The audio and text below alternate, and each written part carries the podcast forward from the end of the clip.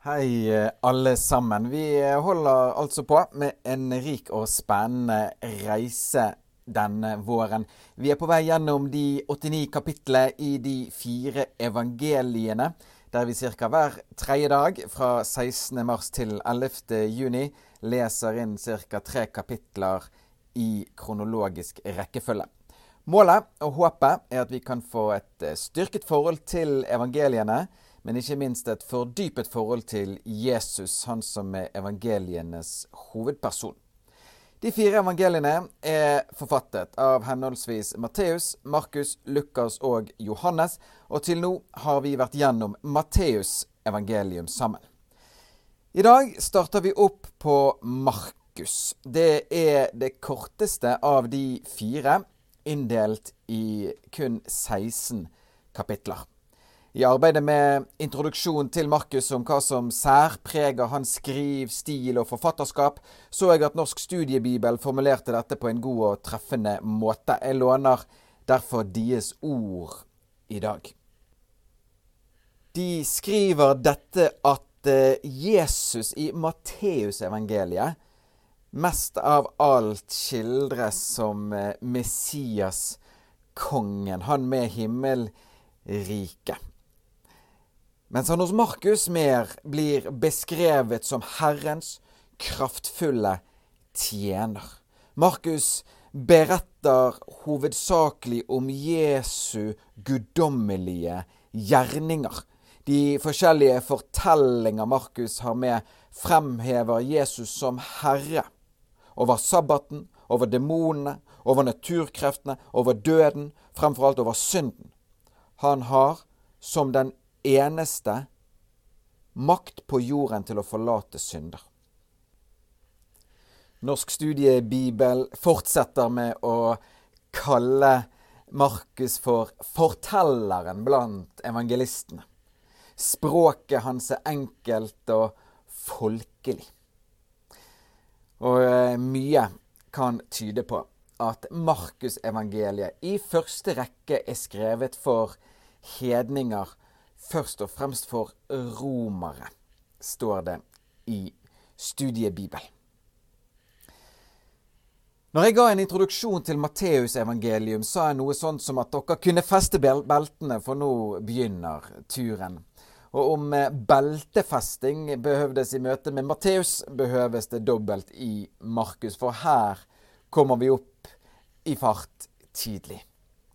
Markus berører bare så vidt forberedelsen til Jesu tjeneste i kapittel 1. Litt om døperen Johannes, litt om dåpen, kort om fristelsen.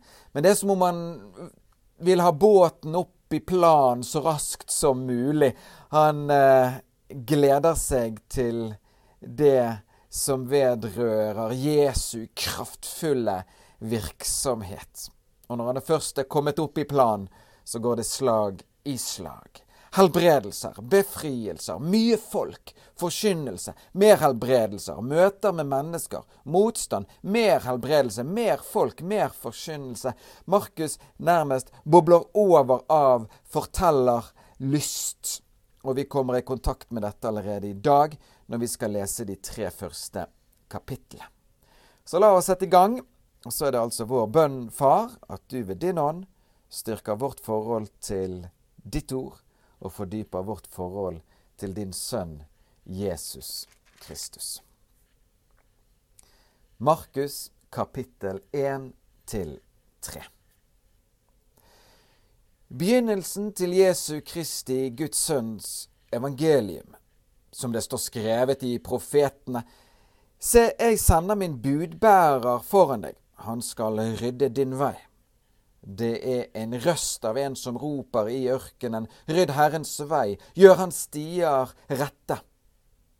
Slik sto døperen Johannes fram i ørkenlandet og forkynte omvendelsesdåp til syndenes forlatelse. Og hele Judealandet og alle i Jerusalem dro ut til ham idet de ble døpt av ham i elven Jordan, idet de bekjente sine synder. Johannes gikk kledd i klær av kamelhår og hadde lærbelte om livet, og maten hans var gresshopper og vill honning. Han forkynte og sa, Etter meg kommer han som er sterkere enn jeg. Jeg er ikke engang verdig til å bøye meg ned og løse skoremmen hans. Jeg har døpt dere med vann, men han skal døpe dere med Den hellige ånd. Og det skjedde i de dager at Jesus kom fra Nasaret i Galilea og ble døpt av Johannes i Jordan. Straks han steg opp av vannet, så han himmel åpne seg, og ånden komme ned over ham som en due. Og det lød en røst fra himmelen. Du er min sønn, den elskede. I deg har jeg velbehag. Og straks drev ånden ham ut i ørkenen. Der i ørkenen var han i 40 dager og ble fristet av Satan. Han holdt til blant de ville dyr, og englene tjente ham. Men etter at Johannes var satt i fengsel, kom Jesus til Galilea og forkynte Guds evangelium. Han sa, Tiden er fullkommet, og Guds rike er kommet nær. Omvend dere og tro på evangeliet. Da han gikk langs Galilea-sjøen, fikk han se Simon og hans bror Andreas. De holdt på å kaste not i sjøen, for de var fiskere. Jesus sa til dem, Følg meg, så vil jeg gjøre dere til menneskefiskere. Og straks forlot de sine garn og fulgte ham. Da han var kommet litt lengre fram, så han Jakob, sønn av Sebedeus, og hans bror Johannes. De satt i båten og bøtte garn. Straks kalte han dem, og de forlot sin far Sebedeus og leiefolkene i båten og fulgte ham. De gikk så inn i Kapernaum, og på sabbaten gikk han straks inn i synagogen og lærte. De var slått av undring over hans lære, for han lærte de som en som hadde myndighet, og ikke som de skriftlærde. Det var da i deres synagoge en mann med en uren ånd, og han skrek høyt og sa, Hva har vi med deg å gjøre, Jesus fra Nasaret? Du er kommet for å ødelegge oss. Jeg vet hvem du er, du Guds hellige. Men Jesus truet han og sa, Ti stille, og far ut av ham. Og den urene ånd rev og slet i ham, skrek med høy røst og for ut av ham. Da ble alle forferdet, og de spurte hverandre, Hva er dette? En ny lære? Med myndighet befaler han til og med de onde ånder, og de adlyder han. Og ryktet om han kom straks ut over alt der omkring i Galilea. Straks de var kommet ut fra synagogen, gikk de inn i huset til Simon og Andreas sammen med Jakob og Johannes. Simons svigermor lå til sengs med feber, og straks talte de til ham om henne. Og han gikk bort til henne, grep hånden hennes og reiste henne opp. Og feberen forlot henne, og hun tjente det. Men da, da det var blitt kveld og solen var gått ned, brakte de til ham alle som var syke og de som var besatt av onde ånder. Og hele byen var samlet utenfor døren. Han helbredet mange som led av forskjellige slags sykdommer, og drev ut mange onde ånder. Men han tillot ikke åndene å tale, for de kjente ham. Tidlig om morgenen, mens det ennå var ganske mørkt, sto han opp og gikk ut. Han dro bort til et øde sted og ba der. Simon og de som var sammen med ham, fulgte da etter ham, og de fant han og sa til ham, Alle leter etter deg. Han sier til dem, La oss gå andre steder, til småbyene her omkring, så jeg kan forkynne ordet der også, for det er derfor jeg er kommet. Så dro han omkring i hele Galilea og forkynte i synagogene deres, og han drev ut de onde ånder. Da kom en spedalsk til ham. Han ba ham og falt på kne for ham og sa til ham, Om du vil, så kan du gjøre meg ren. Jesus fikk medynk med ham, rakte ut hånden, rørte ved ham og sa, Jeg vil bli ren. Og straks forlot spedalskheten ham, og han var ren. Men Jesus talte strengt til ham og sendte ham straks bort og sa til ham, Se til at du ikke sier dette til noen, men gå og vis deg for presten og bær fram det renselsesofferet som Moses har påbudt, til et vitnesbyrd for de. Men han gikk ut og begynte å kunngjøre det og utbredte ryktet vidt og bredt. Derfor kunne Jesus ikke lenger gå åpenlyst inn i noen by. Han var utenfor, på øde steder, og folk kom til ham fra alle kanter. Noen dager senere kom Jesus igjen til Kapernaum, og det ble kjent at han var hjemme. Straks samlet det seg så mange mennesker at de ikke fikk plass, ikke engang ved døren, og han talte ordet til dem. De kom da til ham med en som var lam, som ble båret av fire mann. På grunn av folkemengden kunne de ikke få båret ham fram til Jesus. De brøt da opp taket over stedet der han var, og da de hadde fått en åpning, firte de ned sengen som den lamme lå på. Da Jesus så deres tro, sa han til den lamme, Sønn, dine synder er deg forlatt. Men noen av de skriftlærde satt der og tenkte i sitt hjerte, hvordan kan han tale slik? Han spotter Gud. Hvem kan forlate synder uten én? Det er Gud. Straks merket Jesus i sin ånd at de tenkte slik ved seg selv, og han sa til dem, Hvorfor tenker dere slik i deres hjerter? Hva er lettest? Å si til den lamme, dine synder er deg forlatt, eller å si, stå opp, ta din seng og gå. Men for at dere skal vite at menneskesønnen har makt på jorden til å forlate synder, og nå taler han til den lamme, jeg sier deg, stå opp, ta din seng og gå hjem til ditt hus. Og han sto opp, tok straks sengen og gikk ut for øynene på dem alle. Så alle ble ute av seg selv av undring. Og de priste Gud og sa, slikt har vi aldri sett. Han gikk så ned til sjøen igjen. Hele folkemengden kom til ham, og han lærte dem. Da han gikk videre, så han Levi, sønn av Alfeus, sitte på tollboden. Han sa til ham, Følg meg.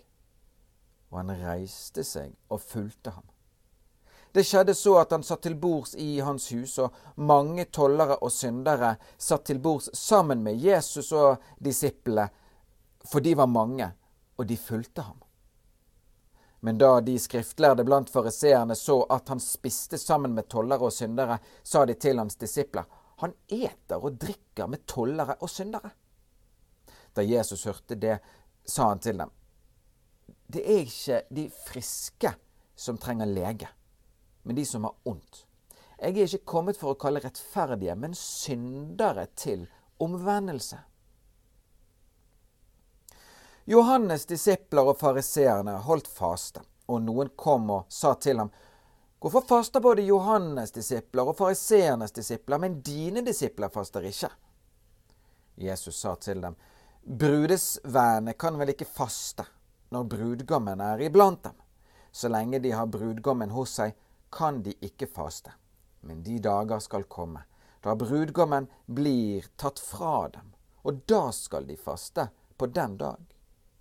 Ingen syr en lapp av ukrympet tøy på et gammelt klesplagg, for da river den nye lappen med seg mer av det gamle, og riften blir verre.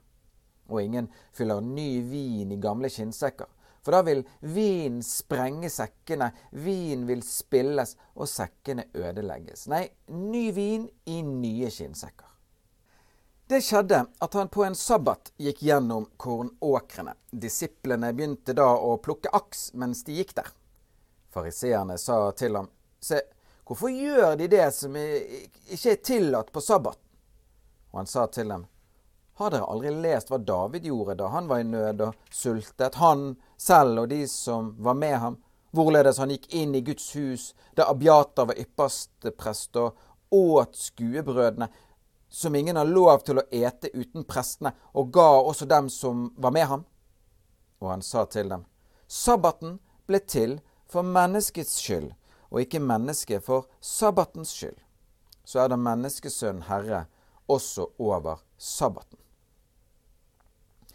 Han gikk igjen inn i en synagoge. Der var det en mann som hadde en vissen hånd.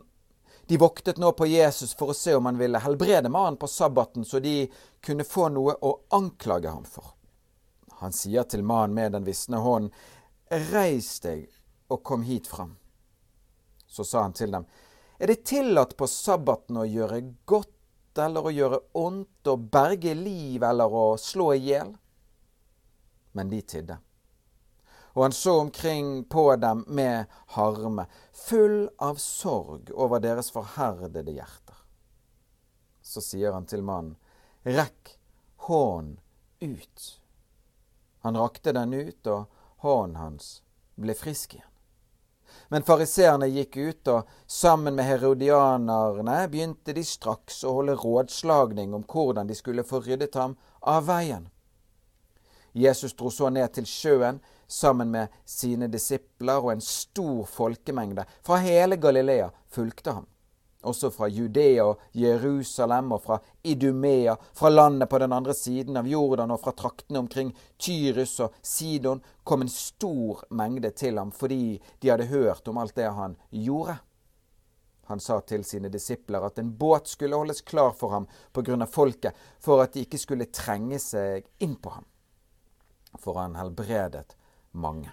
Så alle som hadde plager, trengte seg fram mot ham for å få røre ved ham.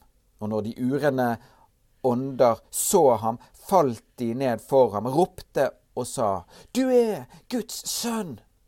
Men han bød dem strengt at de ikke skulle gjøre ham kjent. Han gikk så opp i fjellet. Der kalte han til seg dem han selv ville, og de kom til ham. Han tok ut tolv som skulle være sammen med ham, og som han kunne sende ut for å forkynne, og ha makt til å helbrede sykdommer og drive ut onde ånder. Simon, som han ga navnet Peter, Jakob, sønn av Sebedeus, og Johannes, Jakobs bror. Disse ga han til navnet Boanerges, det er tordensønner. Og Andreas og Philip og Bartolomeus og Matteus og Thomas og Jakob, sønn av Alfeus, og Tadeus og Simon Kananeus og Judas Iskariot, han som forrådte ham. De kom så hjem, og det samlet seg på nytt en mengde folk, så de ikke engang kunne få seg mat. Da hans nærmeste hørte dette, dro de av sted for å ta hånd om ham, for de sa han er helt fra seg. Men de skriftlærde som var kommet ned fra Jerusalem, sa han er besatt av Beelzebul. Det er ved de onde ånders fyrste. Han driver de onde ånder ut. Han kalte dem da til seg og sa til dem i lignelser. Hvordan kan Satan drive Satan ut? Om et rike kommer i strid med seg selv, så kan det riket ikke bli stående.